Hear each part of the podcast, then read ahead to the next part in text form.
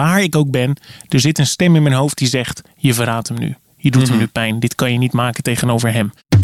Dit is Deze Week. De opiniepodcast waarin we de week doornemen met een naar eigen zeggen schaamteloos christelijke krantenmaker Sherry Kuiper, de telefoonverslaafde gelovige millennial Joram Kaat en met de altijd naar liefde in het nieuws zoekende relatie-expert Kokkie Drost. Dit is een podcast van NPO Radio 5, EO en het Nederlands Dagblad. Grote ja, paniek, groot nieuws in medialand deze week. RTL en Talpa bundelen de krachten en gaan samen verder. Ze worden daarmee groter dan de publieke omroep. Ja, moeten we hier onze schouders over ophalen of is dit een gevaar voor de onafhankelijkheid van de media? Voor mij eh, persoonlijk was dit een spannende week, want ik heb eh, een nieuwe podcast gelanceerd. Who's Your Daddy heet die. En uh, ik ga in die podcast op zoek naar mijn afwezige vader. Ik wil daar zo graag, uh, Sjerk en Cookie, met jullie wat over, over delen. Wat ik ook deze week allemaal voor reacties heb gekregen. Maar we beginnen in Almere. Geef jij geld aan bedelaars? Veel bedelaars hebben een uitkering. Met deze campagnetekst op billboards wil de gemeente Almere overlast in het centrum van de stad aanpakken. Is dat nou een goed idee of slaat de gemeente hiermee de plank compleet mis? Kokkie, het is jouw nieuws van deze week. En wat is je stelling hierbij? Um, de campagneposter in Almere getuigt van een laffe politieke strategie. Oké, okay. vertel waarom. Nou, ik was om te beginnen nogal in shock dat um, mensen blijkbaar hebben nagedacht over deze poster. Waarin ze ja, eigenlijk gewoon schaamteloos aan het polariseren zijn. Van hey, uh, de meeste bedelaars, uh, veel bedelaars hebben een uitkering. Je, het voedt een soort van onderbuikgevoel dat je, nou, hè, dus uh, geef ze maar geen geld, want die mensen zijn maar op één ding uit. Dat weet je, dat hoor ik een beetje door. Waar zouden um, ze op uit zijn? Op alleen maar op geld en makkelijkheid en op macht. Maar ik zat te denken, want ik ga natuurlijk altijd nadenken van hoe komen mensen tot zo'n besluit om zo'n poster te laten. Niet alleen het idee van, nou, we kunnen de overlast een beetje terugdringen door het systeem los te koppelen van, want we houden het in stand als we geld geven. Dus daar moeten we iets tegen doen. Maar dat iemand dan bedenkt, dan gaan we zo'n poster maken en dan zetten we dat soort dingen erop. En dat het ook door iemand wordt ontworpen, door iemand wordt goedgekeurd ja. en vervolgens in zo'n abri hangt. Dit is langs heel veel lagen gegaan. Ja. Maar goed, ik zat er dus over na te denken en um, nou, dit, ik heb ook een beetje geprobeerd in te leven in hoe dat dan moet zijn gegaan. En ik betrapte mezelf erop uh, dat ik misschien ook wel zo zou kunnen gaan denken. En dat vond ik heel akelig. Ja, in die zin dat ik dus ook kon gaan denken van... oh, we moeten ze inderdaad geen geld meer geven. Nou, even een verhaal uit mijn, uh, uit mijn eigen gemeente, uit mijn eigen kerk. Jaren geleden. Toen stond er een keer een uh, bedelaar bij ons. Ja, in het, in het voorportaal. We hebben zo'n hele grote oude kerk. En die stond daar onder de toren. En voor ons dienst was er al een andere dienst geweest. En toen had ze er ook gestaan. En ik kwam binnen en ik vroeg... hallo, heeft iemand u al mee naar binnen genomen? Nee, zei ze. Ik zeg, nou, loop dan maar met mij mee. Het was een Roemeense dame. En uh, ik heb in de kerkdienst naast haar gezeten. En ik voelde mij heel nobel. Want ik nam mijn zwerven mee naar binnen. En er was ook avondmaal. Nou, ik heb nog nooit zo grote grijnzend ja. avondmaal. En, zo. en uh, ik zag ook mensen naar mij kijken. En ik, oh, die vinden het zeker ook allemaal heel nobel wat ik doe. Maar toen was de kerkdienst afgelopen. En toen werd ik op mijn vingers getikt. Door de kerkvoogdij. Door, nee, door de diaconie herstel. En um, ik kreeg smiddag zelfs een telefoontje. Kokkie zei dus, het is goed bedoeld, maar dit soort mensen is maar op één ding uit. Wow. Dit soort mensen wil niet. En dit soort mensen doen het alleen maar daar en daar. Dit en soort ik, mensen? Nou, dat, ik weet nog, ik voelde me heilig verontwaardigd. Ik was zo kwaad. Ja. Um, dat, ik, dat was toen voor mij wel een punt dat ik dacht, wil ik in deze gemeente blijven? Maar ik vond het ook heel mooi bij mezelf om te zien uh, dat mijn eerste reflectie eigenlijk is, natuurlijk ga je die mensen helpen. Hallo, we zijn kerk. Uh, wat deed Jezus? Die keek niet naar de verborgen agenda van de bedelaars. Nee, die ging ze gewoon liefdevol, zonder enige voorwaarden tegemoet. Dat is wat, wat je als christen leert van Jezus. En niet ga eerst even uitpluizen hoe wat. Maar die poster in Almere is mede door de CU. Ik wou het net Op zeggen. een of andere manier is die daar uh, terechtgekomen. Wat mij behoorlijk choqueert. Jouw CU. Jouw man Nico, die is onderdeel van dit plan. Ja, joh, het kloppende, hoe heet dat ook weer? En heb je ze al aangesproken? Heb je ze rechtstreeks benaderd? Allereerst even wat de Heb CU daar zegt. Uh, ja? Kees Hendricks is de fractieassistent in Almere. En die zegt op Twitter van uh, wel goed om even de context ervan mee te nemen. Dit is een weliswaar ongelukkige, dus dat erkent hij, uiting van een poging Ja. om overlast terug te dringen van mensen die in de zorghostels wo- hostels wonen. Een eh, bewindvoerder hebben uitkering, maar bedelen om hun verslaving te financieren. Dus eh, dat is wat Kees Hendricks zegt. En ik zag ook een reactie van jouw man, eh, Nico, daarop. Ik ook, Ja, Nico was hier ook echt wel behoorlijk. Ja, die was ook best wel van in shock. Want de CU staat juist voor oog voor ieder mens. Voor juist ook gewoon opkomen voor, voor mensen die het wat moeilijker hebben in de samenleving. En dit billboard staat natuurlijk voor het tegenovergestelde. Weet je, het voedt juist ook dat onderbuikgevoel van. eh, ehm, ja, we vertrouwen die mensen niet. Weet je wel. En ik merk gewoon dat ik daar dus ook soms wel geneigd ben om in mee te gaan. Dus ik teer een beetje op mijn heilige verontwaardiging van meer dan tien jaar geleden. Ehm, maar wat zorgt ervoor dat mij dit niet overkomt? Dus, en nou, ik vind die campagneposter in Almere dus zo, zo laf. Omdat als ik nadenk, weet je, hoe dat dan tot stand is gekomen. Misschien kun je je voorstellen, Sjerk. Ik zit even naar jou te kijken. Ja. Ja, we moeten wat doen aan die overlast. Ja, ja we moeten het bij de bron aanpakken. Ja. Mensen moeten het niet meer geven. Ja. Maar dat dan ook, dat dan zo'n club is met het, die burgemeester zei volgens mij ook, het is een groep van die, van die eh, Ro- Roma, geloof ik. Ehm, ik en die, daar zit ook nog allemaal mensenhandeltoestanden in. Dus in ieder geval niet heel, heel eh showvol. Mhm. En ik denk, misschien komt dat dan wel vanuit angst... dat je dan maar zo'n beleid gaat bedenken. Nou, nou ze willen niet luisteren, dan hangen wel zulke posters op. Maar kun je ze wel bespeuren van een goede intentie dus? Dat je denkt van oké, ik snap wel. Ik, ja, want je zegt ik kan de hele gedachtegang niet volgen. Maar Ja. ergens Nou, bedoelen ze het goed. Nou, toch? je weet dat ik altijd zoek naar het goede erin. En ook hierin denk ik, nou, ze zullen ergens wel gedacht hebben dat dit een goede manier is om het te doorbreken, om het niet in stand te houden. Maar ik begrijp oprecht niet dat jij dan kunt zeggen: geef jij geld aan bedelaars. Veel bedelaars hebben een uitkering. Dit, dat staat bol van de, van de vooroordelen. Het woord bedelaars ook ja. gewoon. Ja, dat, Ja, dat je- gebruiken we toch helemaal noemde niet? Die, jij noemde die dame bij jullie in de kerk ook een bedelaar. Toen ik, toen ik dat hoorde, toen dacht ik van hoe zag je in één oogopslag dat zij een bedelaar was? Nou, ze Het was een bedelen. Dat was In- vrij. in het portaal Ja, van de Ze kerk. stond in het portaal van de kerk te bedelen. Ja. Maar op zo'n moment definieer je iemand dus uitsluitend op basis van wat ze dan eh, op dat moment deed. ja.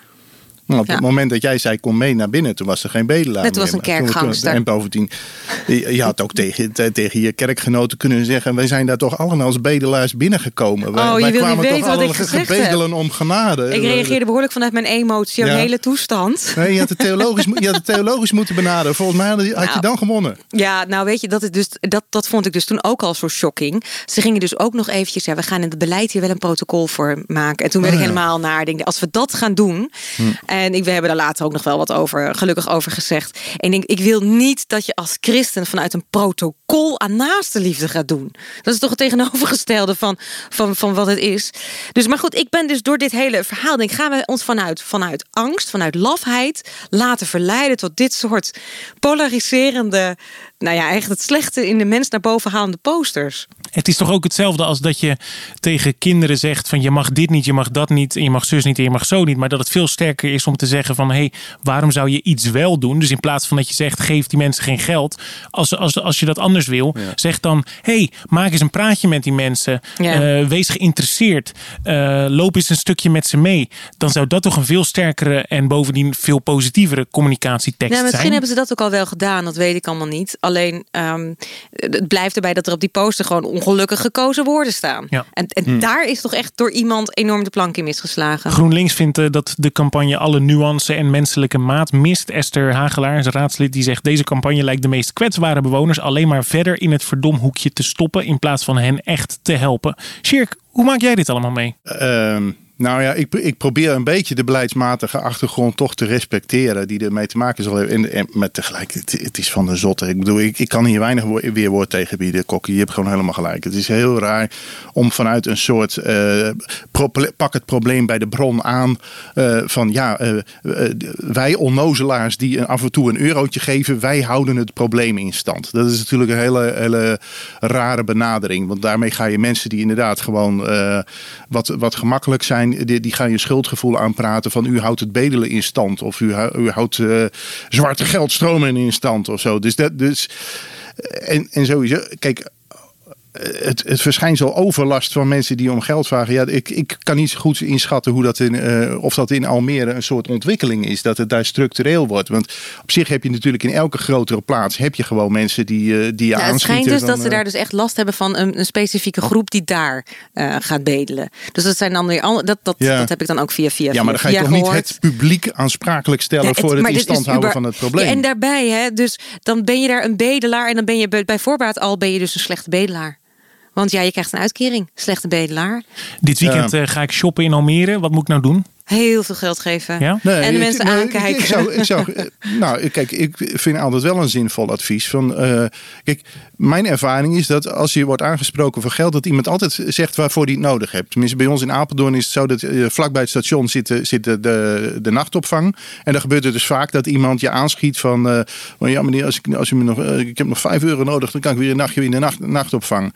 En eigenlijk zou ik dan dus gewoon even met hem mee moeten lopen om, om te zeggen van, mag ik even een nachtje opvang voor die meneer betalen? Want er zeggen tegen mij ook wel mensen van ja, als je ze gewoon geld geeft, wat, wat ik dus eerlijk gezegd altijd wel doe. En dat zeg ik niet om te deugen, maar omdat ik eh, een soort Nee, het nonchalance... deugt juist niet hè, dat jij dit doet. Nee, nee, ik hou het probleem in stand inderdaad. Maar goed, het, het is voor mij toch altijd de, de eerste neiging om te denken van ja, ik heb iets wat hij niet heeft, dus ach en dergelijke. Maar eh, het zou dus eigenlijk beter zijn om, en dat is ook wel algemeen advies, en als mensen zeggen dat ze honger hebben, nou eh, geef ze dan Eten. wat te eten. Ja. En, en Maar geef ik ze geen blijf, geld. Het liever, is wel, eh, ik blijf liever naïef. Be- ja, ja, maar geld klinkt geven, een beetje naar, maar, ja, maar geld geven is dus op zich. eh, Ik bedoel, op het moment dat ik geld geef, betrap ik me juist zelf, mezelf op een enorme gemakzucht. Omdat ik denk van, oh ja, ik heb geld, jij hebt geen geld. Opgelost. Hupsakee, Ja. Kijk even wat er in mijn portemonnee zit. En de, eh, de ene keer is een euro, de andere keer is een tientje. Dat maakt eigenlijk allemaal niks uit. Eh, en zo los je het probleem op. Terwijl als je inderdaad iemand in de ogen kijkt en en vraagt van, wat is je probleem? En eigenlijk zou je moeten vragen, wat is je verhaal? En dan denk ik ook nog van, jongen, je bent journalist. Je moet toch geïnteresseerd zijn in het verhaal van mensen. Maar vaak is het vanuit een soort gemakzucht dat ik de portemonnee trek. Mhm. Terwijl het beter zou zijn, inderdaad, om het, eh, het, het werkelijke probleem van de betrokkenen Nou, ik Maar naïef, te helpen. Nou, ik weet je, ik zit hier wel eens over na te denken. Van nou, misschien word ik wel opgelicht waar ik bij sta. Maar, maar liever dat dan dat ik dus zo'n wantrouwende. Ja, maar je, wordt- je, je wordt helemaal niet opgelicht. Je geeft het weg. Nou ja, Dat, eh, misschien dat dat is, eh, op die manier kan Alleen al het idee dat dat als oplichting, dat dat als oplichting wordt geduid.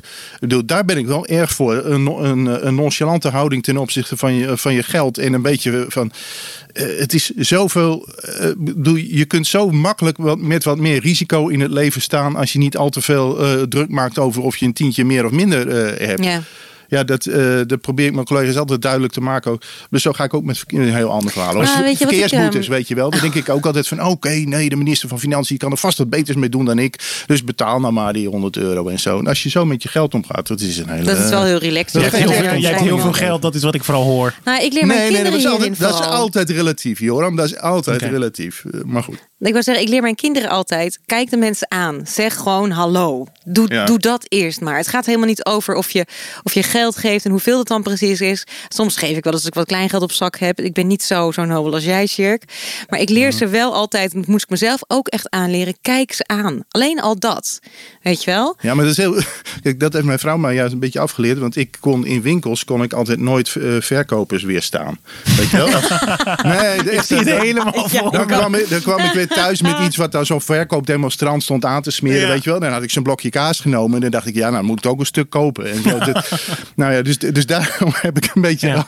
afgeleerd om relatie te weet leggen. je, en dat is het juist. Je geeft mensen zoveel door ze gewoon. Dat, dat- ja, ik kom even terug op Jezus, maar die keek mensen gewoon gelijkwaardig aan. Gewoon van ja, we zijn allebei mens. Echt gewoon zo. Ook al was Jezus zonder zonde en weet ik wel niet hoe eh, en, mijn, fantastisch. en mijn verdorven gedachte is nu, maar Jezus had de tijd. Dat is, dat is wel heel slecht, hè? Dat- ja, maar het is dat- niet mijn punt, Jack. Heel- dus nee, je dat is verdorven gedachte mag dit. Even dat we- denken. Wij Dus- denken dat we geen tijd hebben. Gelijkwaardigheid, kijk elkaar Nou, maar die aan. poster, die, die, die, die tekst op die poster, die haalt die gelijkwaardigheid compleet weg. Daar staat eigenlijk, jij staat boven deze Ja. mensen. Ja. En dat is dus het, het tegenovergestelde van wat ik vind hoe we naar die mensen moeten kijken. Altijd. Iemand Ja, maar aankijken. ten diepste, de boodschap van zij hebben een uitkering is iets van wij zorgen al voor hen. Er wordt voor hen gezorgd. We hebben een verzorgingsstaat. Sjerk, als je mij aankeek, zag je dat ik door wilde naar het volgende onderwerp. Eh, een van de redenen dat ik eh, presentator ben geworden is eh, omdat ik het eigenlijk vooral fijn vind om over anderen te praten of om vragen te stellen. En Ja. niet zozeer over mijn eigen ziel om die te moeten delen. Afgelopen week heb ik het iets anders aangepakt, want ik ben ja, all out gegaan, kan ik wel zeggen. Ik heb eh, ehm, ja, iets gedaan wat het meest persoonlijke en het meest enge is wat ik, wat ik ooit heb gemaakt. Eh, een podcast over de zoektocht naar mijn afwezige vader. Bestaan er kinderfoto's van mij waar hij ook op staat? Nee, ik denk het niet. Nee. Wat doe je als je je vader nooit hebt gekend? Hoe meer ik erover nadenk, hoe meer vragen ik krijg. En toen was hij dus gewoon ontzettend boos en agressief. En op dat moment komt dus de dominee binnen. En je zelf wil ontdekken wie die man is. Je kan mij ook bellen, weet je wel. We hebben elkaars nummer gewoon. Dus je weet niet met wat voor iemand je te maken hebt. Ik zou wel een biertje willen pakken. Maar dan voelt het een beetje eh, als verdoving. Wat is de invloed op je leven van een afwezige vader? En het gekke is, ik heb zijn nummer gewoon. Ik kan hem gewoon bellen, maar ik, ik durf het niet. We hadden het, eh, vorige week was het toch? In deze week hadden we het over het tonen van emoties. Eh, Ja. Toen eh, dacht ik al van, eh, ja, dat is inderdaad wel een dingetje. Eh, want ehm, ja, ik ben dus de zoektocht begonnen naar mijn afwezige vader. Die voor mijn geboorte, eh, ja, zijn mijn ouders uit elkaar gegaan. En ik wist er eigenlijk nooit heel veel van af. Omdat we er met z'n allen, dus mijn moeder, mijn broer, mijn zus en ik, helemaal nooit over praten. Ehm, om, ja, ik weet niet precies waarom eigenlijk, maar eh, dat gebeurde nooit. En ik merkte toch in mezelf van alles wat ik wel. Nou, dat ik me afvroeg van ja, hoe zit dat nou? De- Ja. Luistert die man naar deze podcast bijvoorbeeld? Dat ga je dan Ja. ook denken. Of eh, mist hij mij? Eh, hoe kan het dat je als, als ouder je kind niet wil zien? Die vraag werd in mijn hoofd wel steeds groter. En daarnaast merkte ik ook wel van. Zoals dus dat ik de microfoon altijd op een ander richt. ehm, of dat ik eigenlijk dus heel slecht over mezelf kan, eh, kan eh, praten. Bijvoorbeeld, eh, tenzij als ik geïnterviewd word of zo. Dat is altijd iets waar dan, dan kan ik wel open zijn. Maar, maar verder lukt dat allemaal niet. En ik dacht, heeft dat te maken met die afwezigheid van mijn vader? En dus ben ik die zoektocht gaan doen. En de aflevering 1 en ook 2 staan nu online. Jullie hebben het eh, gehoord. Ja. Dus ja, Ja, ik ben ook benieuwd van Ja. hoe, hoe vonden jullie het? Nou, ik zal je eerlijk zeggen, ik, ik luister nooit podcasts. Ik bedoel, zelfs ons eigen gesprek luisteren. Geen tijd voor zeker, hè? Nee, maar het is meer dat ik denk van nou, we hebben een leuk gesprek gehad. Waarom moet ik dat nog terugluisteren? Maar ik, ik heb deze inderdaad in de auto zitten luisteren. Ik was zo gebiologeerd dat ik kwam hier te laat binnen. Omdat ik had de aflevering 2 ook aangezet. En die wilde ik eigenlijk ook afluisteren. Dus het is echt het is een zeer intrigerend verhaal. En het, het roept bij mij ook, nou, bijna bij elke vraag en antwoord denk ik direct van, eh, nou hoop ik dat er een redacteur achter je zit die zegt van, Joram, we gaan terug, want je moet die vraag ook nog stellen of zo. Oh, Dus ja. da- da- dat, is, dat is meteen Wat, de, zeg maar- wat bedoel je dan? nou, dat is meteen een beetje de professionele houding waar- waar- waarmee ik zit te luisteren. Van, het lijkt me ontzettend moeilijk om, eh, om vragen te stellen aan mensen die zo dichtbij je staan. En eh, waarbij je gewoon, ja, elke vraag is gewoon een. eh, dat merk ik als je met je moeder praat. Is eh, van ja, hoe ver door, durf je door te vragen? Ja, want je wil haar geen pijn doen. En ehm, terwijl haar, haar verhaal bij mij direct, ja, laat ik dan eerlijk zeggen, allerlei vragen opriep. Dat ik denk van, van hoe- hoe kan een vrouw zeg maar zo in de slachtoffer. Dat is een heel lelijk woord, hoe ik nou over je moeder spreek. je Ik realiseer me zeggen. kwetsbaar is. Maar eh, hoe, hoe kun je jezelf zo in een slachtofferrol eh, blijven gevangen houden en, en zo. En tegelijk, dus zullen ze- het is goed dat je een therapeut bij je hebt die, de, die dat soort dingen ook uitlegt. Eh, wat je zei over je emoties. Ik, een van de heel frappant vond ik toen je met je zus praatte over geweld thuis.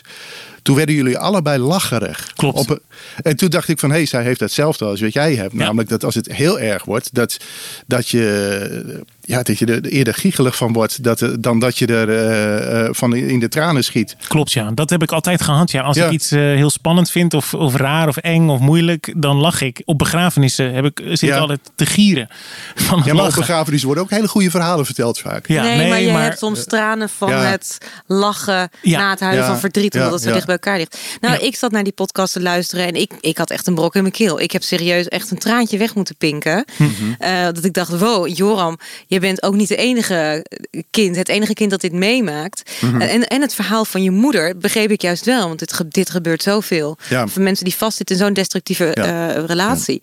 Eh, maar goed, ik ken jou natuurlijk persoonlijk. Mhm. En eh, dus misschien dat het daardoor extra raakte. Maar ik dacht aan de ene kant van wow, dat jij dit durft voor heel Nederland. Het is Mhm. het meest kwetsbare inderdaad. Niet alleen voor jezelf, maar ook voor mensen om ernaar te luisteren. Het is emotioneel heel naakt natuurlijk.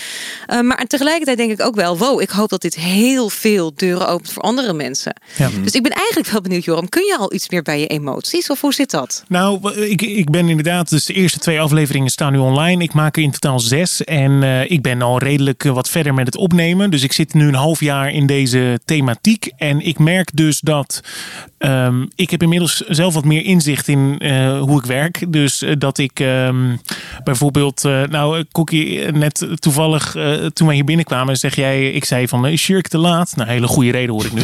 maar, en toen... zei ik van, oh, dat komt er weer door mij, omdat, het, omdat hij naar mijn podcast luistert. Toen zei jij van, eh, oh, eh, nu maak je van Shirks een ding jouw ding.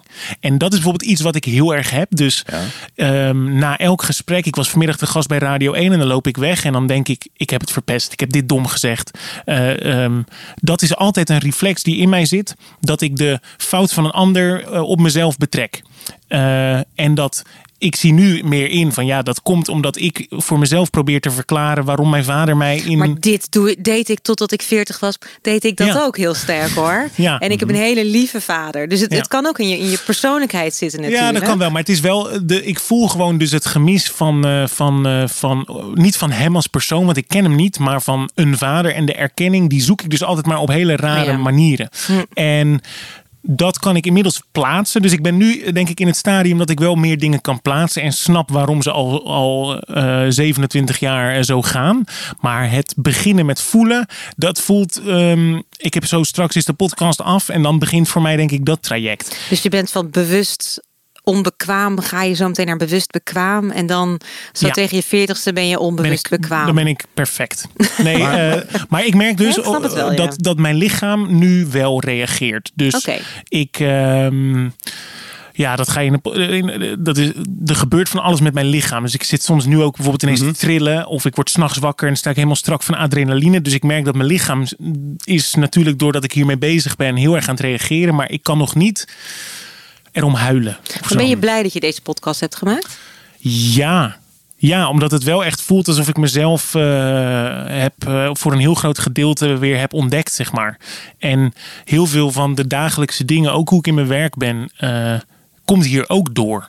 En ik ben heel blij dat ik dus eh, dat nu ontdek. Los van dat de zoektocht natuurlijk bijzonder pijnlijk is. En Nou, dat, dat alle verhalen ik. zijn eh, heel naar. Maar kun je je en- voorstellen dat mensen ervoor kiezen van nou laat maar, ik hou alle, alles binnen, hu- binnenshuis. Eh, ik ga liever niet die hele pijnlijke confrontatie aan met zwetend wakker worden en zo. Ik, ik kan me er alles bij voorstellen, maar ik zou het iedereen afraden. Ik zou iedereen aanraden om ook, en het, ook als je gewoon twee ouders hebt, ik bedoel, iedereen heeft wat.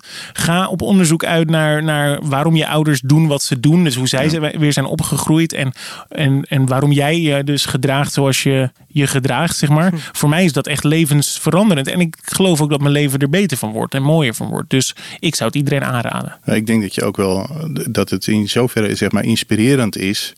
Dat je eh, veel. Ik bedoel, elk individueel verhaal heeft, heeft allerlei universele componenten, zeg ik altijd. En, en dat is bij dit verhaal bij uitstek zo, denk ik. Plus dat het, denk ik, andere mensen kan inspireren om.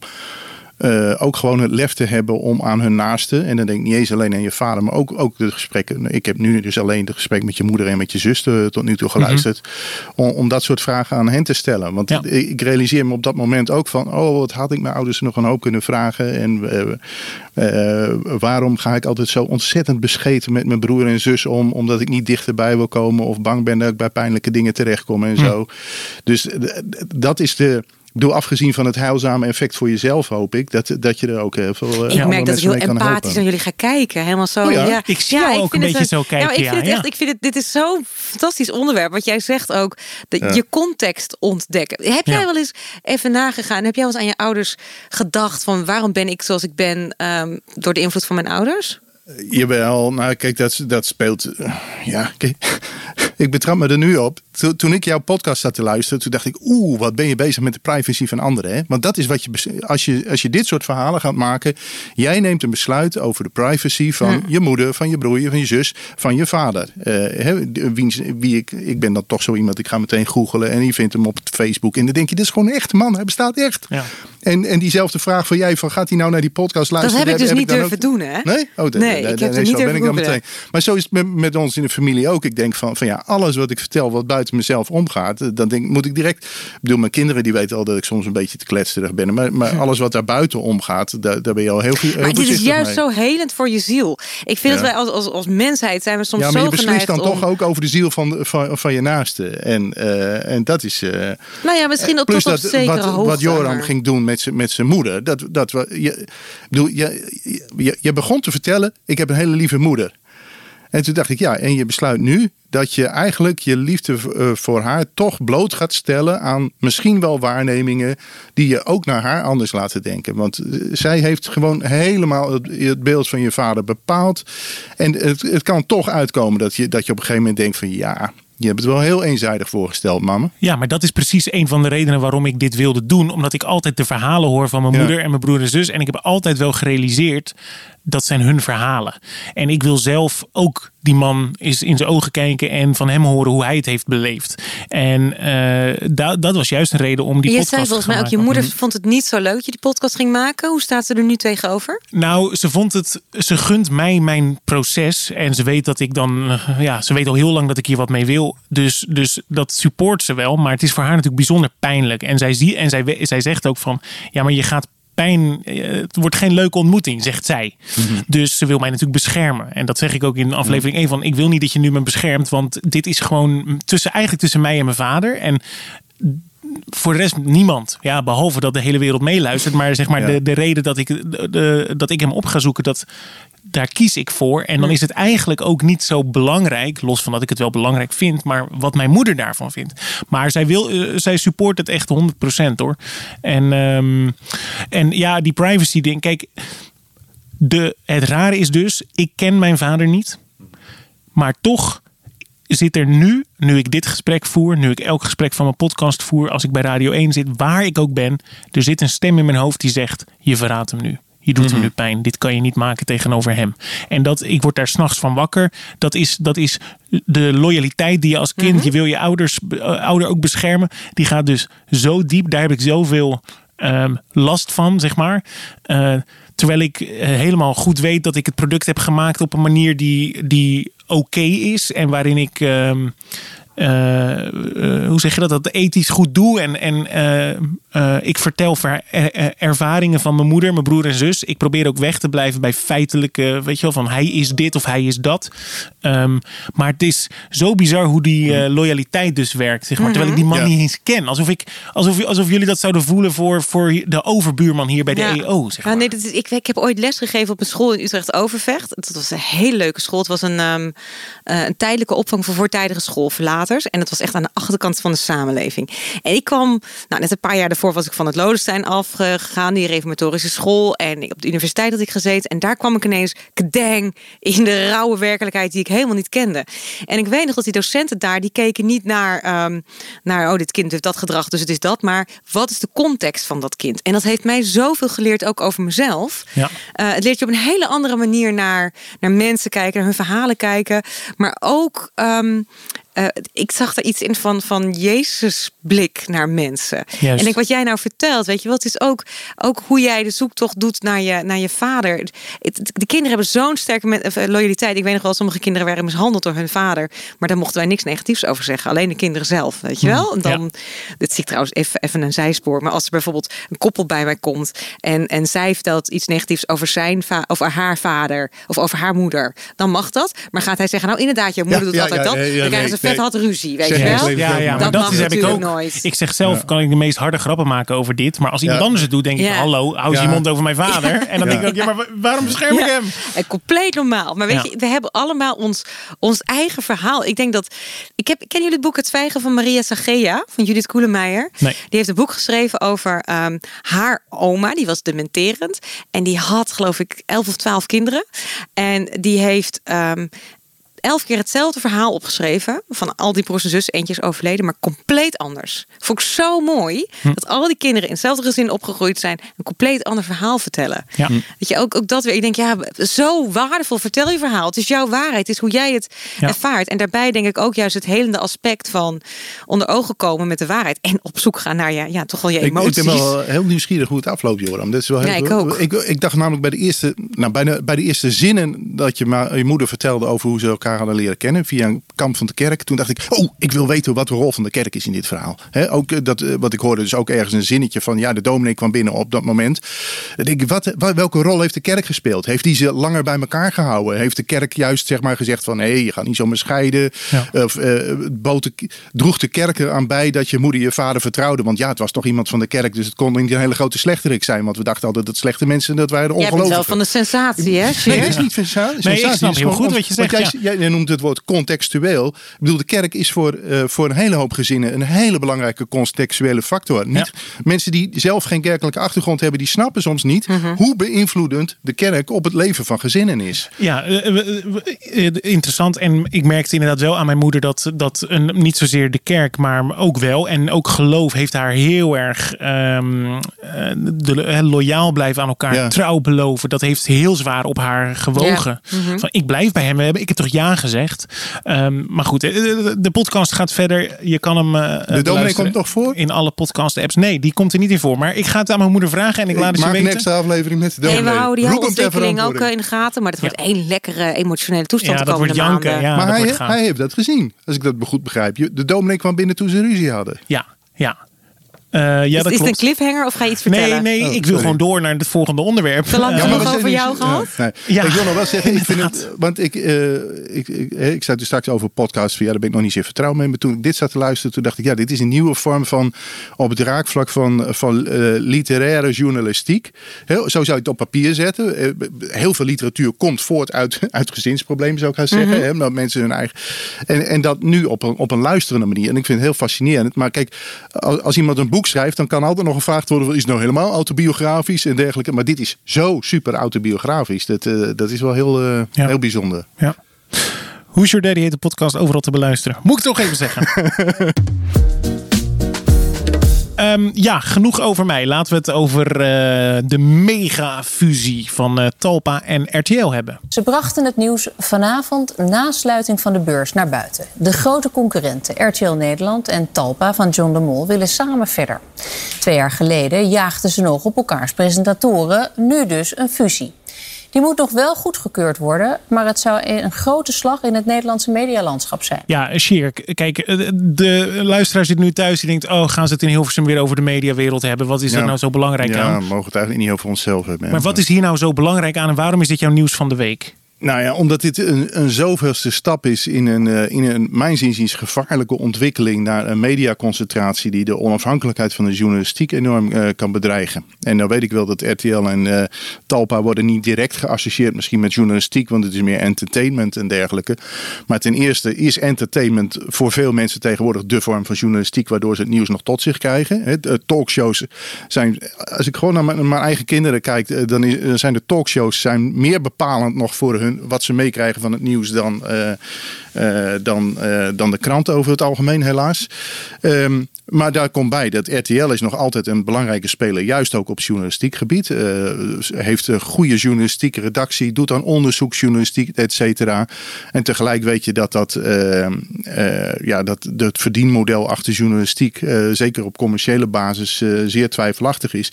Maar waar waar het om gaat is toch de, de, de kwetsbaarheid.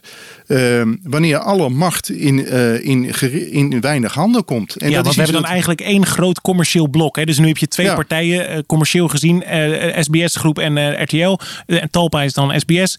En nu wordt dat één Ja. groot bedrijf. En dat doen ze dus om een vuist te maken tegen de grote internationale spelers als Netflix, Disney. Exact, dat, dat, dat is natuurlijk het verhaal van de, de concurrentie zit niet meer in Nederland, maar zit in de VS. En eh, Videoland, een belangrijke eh, merk Van eh, RTL. van RTL is Online eigenlijk, kijken. ja, is eigenlijk belang, eh, moet met Netflix kunnen concurreren en dergelijke. Maar ja, ik zit er toch vooral met, met journalistieke ogen naar te kijken. En dan zie ik van op het eh, gebied van, want er was nog even sprake deze week van dat DPG, de persgroep, dat die eh, RTL zou overnemen. Want RTL stond officieel in de etalage. En op dezelfde dag dat dat gericht, gerucht kwam van DPG neemt misschien RTL over, kwam dus naar buiten van nee, eh, RTL gaat samen met, met Talpa. Val je al in slaap, Kokkie? Oh jongen, je moet eens weten. Weet je wat de Ja, vraag maar- is die bij mij eh naar boven komt? Hoe, hoe kunnen ze nou zoveel geld verdienen aan televisie? Hoe Nou, doen ze dat? eh, voor alle duidelijkheid, een van de verklaringen voor deze fusie is dat het, dat het eh, geld verdienen moeilijker wordt. En dat als je samen één concern vindt, dat je ten eerste je kosten kunt drukken. Want je kunt tegen een presentator. Hè, een presentator kan nu nog zeggen van, eh, eh, van Talpa van oh, bij RTL kan ik meer verdienen hoor. Dus, eh, Ja. nou, Dus dat ze gebeurt dus verwachten niet meer. Dus ze dat die kunnen de prijzen kosten omlaag omlaag gaan? brengen. En ze kunnen de opbrengsten hebben ze meer grip op. Want zij kunnen aan de. Zij zijn de monopolist die aan, die hoe aan de adverteerder dat? kan. Is, is dat van die Ah, advertenties nou, en die advertentie. commercials? en- Ja, en kijk, en nu kan een adverteerder nog zeggen tegen RTL van, nou, ik, ik hoor eens, ik stap onder SBS als jullie te, tarieven te hoog worden. Dus het, het zowel aan de kostenkant als aan de inkomstenkant eh, krijg je een monopolist. Maar goed, dat is puur de economische benadering. Maar wat veel belangrijker is, is media zijn zijn de controleurs van de. eh, zijn essentieel voor een democratie waarin de, eh, zeg maar, de democratie gecontroleerd wordt. Dat heb je in de Verenigde Staten gezien. eh, hoe groot de invloed daar is van grote netwerken op, op de hele verslaggeving over de politiek. extra. was, Op een- ja, en op het moment dat Rupert Murdoch besloot dat hij Trump liet vallen, eh, eh, sprak Trump hem bijna let, eh, persoonlijk aan van, van wat gebeurt er nou? Eh, Murdoch trekt zijn handen van me af. Maar bij de Nou, kranten zien we dus al die, dat het bij Nou, bij de elkaar komt. ja, Gaat het en- daar ook fout? Ja, nou ja, dat vind ik. Kijk, dat, alleen al het feit dat ik nu denk van ja, kan ik daar nou wel lelijk over praten? Het zijn toch mijn collega's. Dat geeft al iets aan van ik ben, ik ben er al terughoudend in terwijl ik er nog onafhankelijk naast sta. Laat staan dat hoofdredacteuren die zelf zeg maar, op de loonlijst staan van de persgroep of van Mediahuis, dat die daar frank en vrij over zouden spreken. Deze week had toevallig had Volkskrant had een interview met Volker Jensma eh, eh, van de Nederlandse Bond van Journalisten, die, die daar eh, gelukkig wel frank en vrij zijn verhaal over deed en uitlegde hoe, hoe fnuikend de, de situatie bij de media nu al is als het gaat om de inkomens voor freelance journalisten. Die worden gewoon afgeknepen. Bij de, bij, bij de, de grote kranten krijgen ze minder per, per woord dan bij een klein rotkrantje als het Nederlands Dagblad. Dat is van de gekke, maar dat Hey, komt omdat het, het, gewoon eh, één uitgever is die bepaalt wat, eh, maar wat Sjerk, het beleid als, is als voor de deze partijen niet fuseren, dan doen de internationale grote jongens het. Dus het gaat toch goed dan ook gebeuren, dit? Dat probeer ik even te begrijpen. Nou, want dat is, nou ja, met die kranten, die zijn dus nu al internationaal overgenomen. Want die zijn overgenomen. eh, bijna 95% van de Nederlandse kranten is in Belgische handen. En dat komt omdat België een gunstiger fiscaal klimaat heeft voor de, eh, voor de media als Nederland. Maar jij hebt het dus Maar voornamelijk eigenlijk een, over die kranten. Terwijl het nieuws Nee, van ik deze week over zijn de natuurlijk... onafhankelijkheid van de journalistiek en de media. En, en, en nogmaals, um, eh, entertainment en journalistiek zijn tegenwoordig zo met elkaar verweven. Want, eh, Zie je hier aan tafel ook, hè? eh, Ja. Nou, exact. Maar, maar ook journalistiek heeft zeg maar de context van entertainment nodig. Eh, eh, om, eh, om überhaupt nog uit te betalen. Dus het is. En als je dan vervolgens je realiseert hoe belangrijk de journalistiek weer is voor de controle op de macht.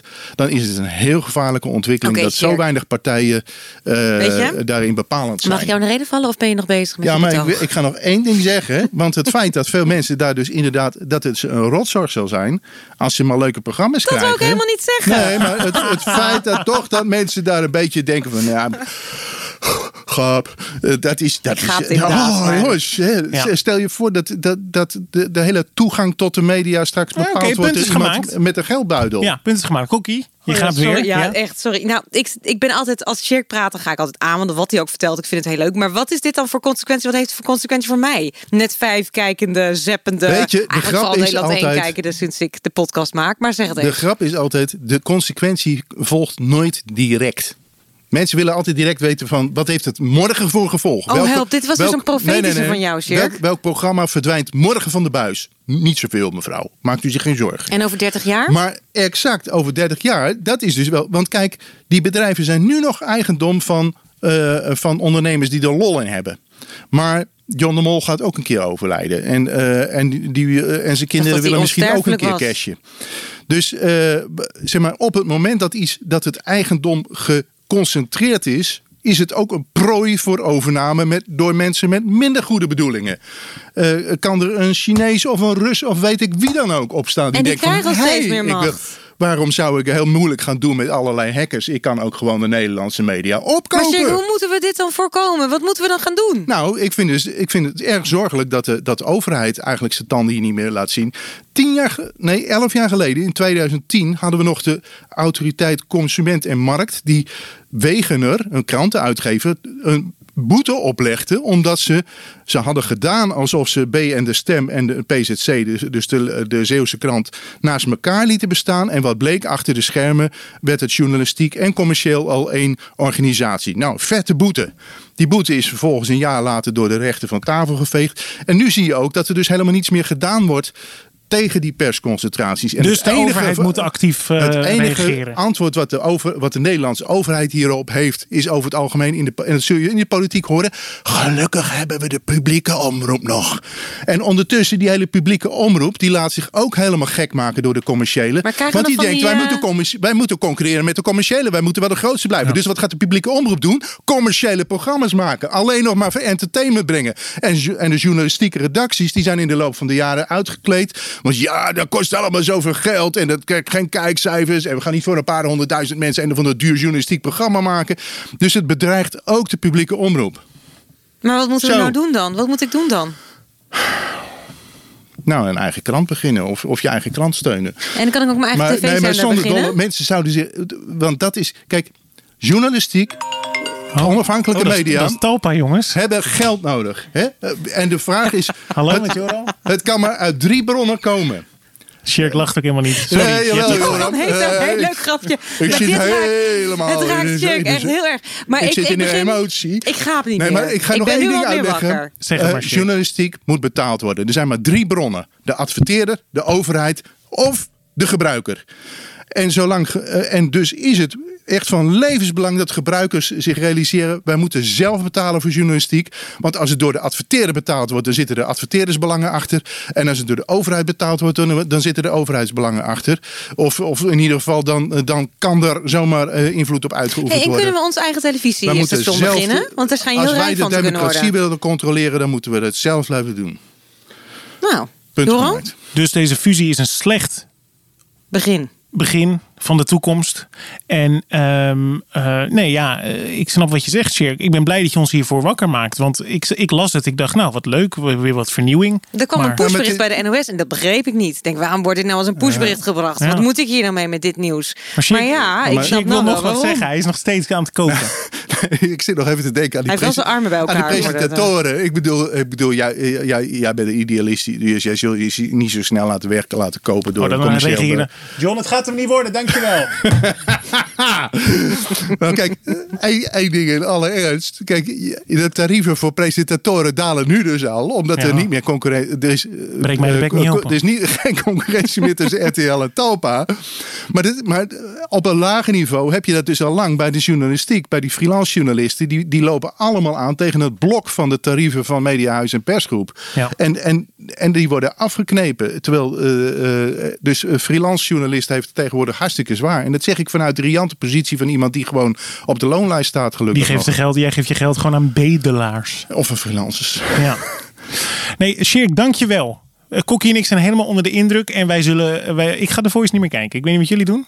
Maar ik ga het niet meer kijken. Ik zit te wachten tot jij met je eigen station komt, Joram. Ja, ik- Want ik las in een eh, interview uit 2019 dat jij vroeger al je eigen Klopt. toko ja, opzette. ja, hè? dat klopt. Vond ik echt heel leuk. Dat wilde ik, ja. En je kunt schatrijk worden, hè? Maar ja, jij Ja. doet het toch niet voor het geld. Dus dan kan dat mooi naar het goede doel van, van, oh ja, van dat is goed. Ja. Almere toestanden. Ja. Maar nog één ding in alle Oh, ernst, mensen. Want is nog dat steeds de- niet ja, nee, want ik realiseer me nu ineens, dat is heel leuk. De Ja. toegang tot de media of tot zelf. En dat is natuurlijk het voordeel van sociale media. Daar merken mensen ook van. Je kunt zelf je verhaal tegenwoordig vertellen. Ja. En dat, ik bedoel, vroeger kostte het een vermogen om alleen al zendtijd te kopen. En, en de toegang tot de, ether, zoals dat toen nog heette, was eigenlijk een enorme hoge drempel. En tegenwoordig, je kunt echt je, je, kunt je eigen eh, initiatiefje beginnen. Ben je nou je tas aan het inpakken, eigen, Wiebe? Ben je nou je tas aan het inpakken? Be- Onze begin je eigen, begin je eigen Ja. nieuwsstation.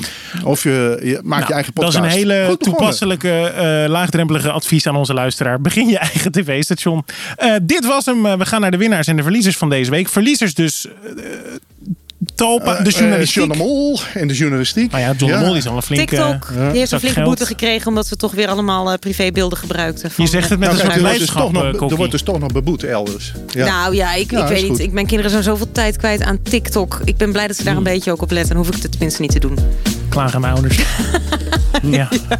Maar zie je wel, dan komt het ineens heel dichtbij. Hè? Ja, de dat is het betalen waar jouw kinderen naar kijken. Ja, ik maar denk dat Sjerk ik na deze opname echt nog Ja. een uur door gaat praten hierover. Hé, hey, maar Joram, jij bent de winnaar.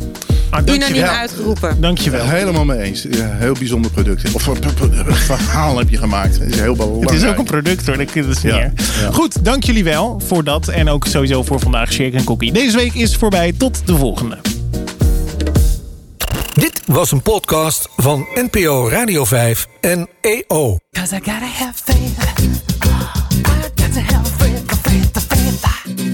Vond je dit een leuke podcast? Luister dan ook eens naar de podcast Zout. Ik ben Chris Segers en samen met Marieke Meijer ontmoeten we smaakmakers die op eigen wijze hun geloof handen en voeten geven. En ik hoef ook dus niet meer te gaan verdienen. Ik hoef niet helemaal het rotje te werken. We hoeven niet dit, we hoeven niet dat. En daar kun je dan helemaal gelukkig mee zijn. Zij zetten zich vanuit een persoonlijke drijfveer in voor verschillende thema's zoals duurzaamheid, relaties, natuur en opvoeding. Ik ben ontzettend benieuwd naar jouw kledingkast. heb je even tijd? Ja, ik heb, ik heb alle tijd. Zout, smaakmakers van Nederland. Abonneer je op deze podcast voor eigen tijdse, persoonlijke en inspirerende verhalen. Ben je al fan? Deel het dan met je vrienden. Zout.